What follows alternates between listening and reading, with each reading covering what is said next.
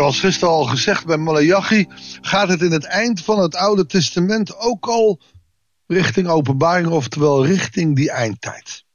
Al daarin laat God zien, ik heb deze aarde gemaakt.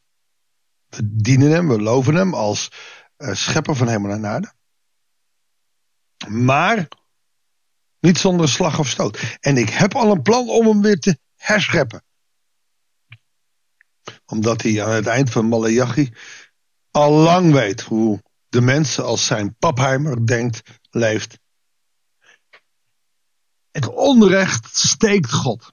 Ik merk bij mezelf ook wel uh, dat onrecht enorm aan me kleeft. En dat ik daar ontzettend boos over kan worden. Soms zelfs zo boos dat het op onrecht lijkt. Uh, zeker als het gaat om mensen die me dierbaar zijn en die worden geraakt dan kan ik echt furieus worden. En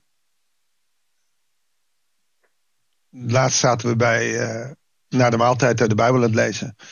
En Paulus zegt dan in Filippenzen 2, doe alles zonder morren. Oh, dan denk ik, wauw, moet dat nou zo? Aan de andere dag, kant, over onrecht je boos maken, heeft ook iets moois omdat God dat ook doet, omdat onrecht natuurlijk heel kwalijk is. En dat zagen we gisteren al wat. En dat zien we vandaag ook. Goeiedag, hartelijk welkom bij een nieuwe uitzending van het Bijbels Dagboek. We lezen Malachi 3, vers 19 tot en met 24. Dag zal zeker komen, brandend als een oven. Zie je wel het oordeel wie hoogmoedig zijn of wie zich goddeloos gedragen, zullen dan slechts stoppels zijn, die door de hitte van die dag worden verschroeid. Zegt de Heer van de hemelse machten. El Shebaot. Hij verschroeit het. Hier zie je dus weer die eindtijd. Niet als die monsters en beesten, maar het vuur. Het verdelgend vuur. Niet het louterend vuur. En je moet die dingen dus niet door elkaar halen. Vuur is niet standaard verkeerd. Je hebt ook het louterend vuur. Maar dit is het verdelgend vuur van het oordeel van God over de onrechtvaardigen. En die dag zal zeker komen. Hou er wel eens rekening mee dat die dag nabij is? Dat die dag misschien wel morgen is, of overmorgen. Waarin Gods oordeel over deze wereld geveld wordt dat heeft te maken met die eindtijd. Dat heeft te maken met dat God ingrijpt. En deze wereld gaat naar zijn ratso mode. Om het maar even netjes te zeggen. Maar er komt een moment dat God zegt, en nou grijp ik in. Dit gaat hem niet worden. Ik weet alleen niet wanneer het is. Maar dat er een moment komt dat hij ingrijpt. En dat dat verterend vuur de onrechtvaardigen zullen verdelgen. Dan denk ik, oké. Het helpt mij in ieder geval te motiveren om met sommige mensen nog eens verder te praten over het evangelie. Of om voor sommige mensen nog wat hardnekkiger te bidden dat er mensen op een pad mogen komen die hen vertellen over het evangelie. Ik denk dat het ook voor onszelf geldt. Zoals een heel mooi oud lied doet klinken, is je paspoort getekend. Het paspoort wat je nodig hebt om in de hemel te komen. Wat is dat paspoort? Dat is je geloof in Jezus Christus met de gevolgen daarvan. Oftewel, als je gelooft in de Heer Jezus, dan kan je niet stil blijven zitten. Dan heb je een drive om wat te gaan doen. Vanuit zijn liefde, vanuit zijn evangelie.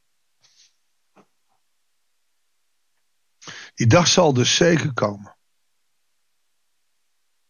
Geen wortel of tak zal er van hen overblijven. En dat vind ik al zo mooi. Maar, en ik heb er wel eens eerder geconcludeerd, maar heeft het, eh, het gevolg van de genade voor jullie die ontzag voor mijn naam hebben. En dit is positief, zal de zon van de gerechtigheid die genezingen naar vleugels draagt, stralend opgaan. Je zou kunnen zeggen, dit gaat over Jezus. Die op die jongste dag naar beneden zal komen op een wolk. En, en ons zal verlossen van deze ellende. Zal genezen van deze ellende. Kan ook symbolisch in Engels zijn. Maakt niet uit. De zon van de gerechtigheid. Oftewel positief. Huppelend als kalveren die op stal hebben gestaan, zullen jullie naar buiten komen. Dan vertrappen jullie de wetteloos op die dag die ik je voorbereid. Zullen zij niet meer zijn dan stof onder jullie voeten, zegt de Heer van de hemelse machten. Je hoeft geen mensen te vertrappen, maar die stoppels. Je zult er overheen banjeren alsof het niks is. Want de onrechtvaardigen zullen niet meer zijn. Maar hoe dan? Houd je, zegt hij dan, aan het onderricht van Mozes. Mijn dienaar, aan wie ik op de Horeb mijn wetten en geboden heb gegeven, die gelden voor heel Israël. Voor jullie podcastluisteraars zou ik zeggen, houd je aan het onderricht van onze Heer Jezus Christus, die de wet van Mozes vervuld heeft, volmaakt heeft, verdiept heeft. Voordat de dag van de Heer aanbreekt, dat is die dag die komen zal, dat hij de levenden en doden zal oordelen, die groot is en onzagwekkend, stuur ik jullie de profeet Elia. Oftewel, ik stuur jullie een profeet. En hij zal ervoor zorgen dat de ouders zich verzoenen met de kinderen en kinderen zich verzoenen met hun ouders. Anders zou ik het hele land volledig moeten vernietigen. Oftewel, er is een veel aan gemoeid dat ouders en kinderen zich verenigen hier. Dat ze één worden. En dat is hier symbolisch ouders en kinderen, maar dat gaat over het volk. Stammen met elkaar, broeders en zusters. Hinema tof, umanaim, tjefet achim kam jagat. Hoe lieflijk het is dat broeders te samen wonen in eenzelfde huis. De psalmen schrijven er al over. Het gaat over Israël. Jullie moeten stoppen met uw ruzie. Jullie moeten stoppen met die ellende. Hinema tof, umanaim, tjefet achim kam jagat. God wil lieflijkheid. Hij wil vrede, shalom. En dat begint bij vaders en kinderen, moeders en kinderen, kinderen en ouders. Maar het gaat verder. Het gaat ook tussen mannen en vrouwen. Het gaat tussen vrienden en vriendinnen. Vriendschappen die, die uit elkaar vallen omdat, omdat er ruzie is, haat en nijd. Houd je aan het onderricht, uh, onderricht sorry, van de Heer Jezus. Het is mijn gebod dat jullie elkaar zullen liefhebben. Nogmaals zeg ik, dit is mijn gebod, oftewel gaat verdiep. Heb je vijanden lief. Daarnaast als jezelf. En als je gaat vergeven, dan kom je in de vrijheid te staan. hoe vaak moet je vergeven? Zeven keer zeventig maal. Zie je dat zijn de consequenties van het Jezus volgen. Dat gaat dieper. Dat is niet zomaar een wet volgen, dat is met hart en ziel en heel je lichaam, tot in je nieren, tot in je tenen zijn. En ik weet niet hoe jij dat vindt, ik vind het af en toe best lastig. Dan heb ik de genade en de liefde van God enorm nodig, maar ook de hulp, de kracht van de Heilige Geest. Daar wil ik om bidden. Nou, God de Vader, u die troont in de hemel, u die terug zal komen op de wolken, u die hemel en aarde zal herscheppen, zodat er een nieuwe hemel en een nieuwe aarde zal komen. U loven wij, u prijzen wij. Dank u wel voor wie u bent. Heer, en in alle bescheidenheid en verootmoediging willen we vragen, wilt u ons helpen? Wilt u ons helpen om het goede te doen, het kwade te laten. Wilt u ons helpen om u te volgen? Om in deze wereld rechtvaardig te zijn en niet onrechtvaardig.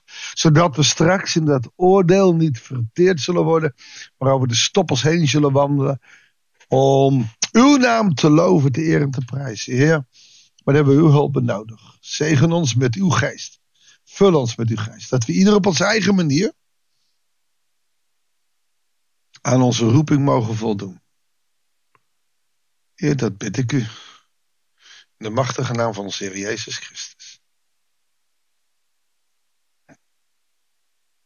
Dankjewel voor het luisteren. Ik wens je God zegen en heel graag tot de volgende uitzending van het Bijbels Dagboek.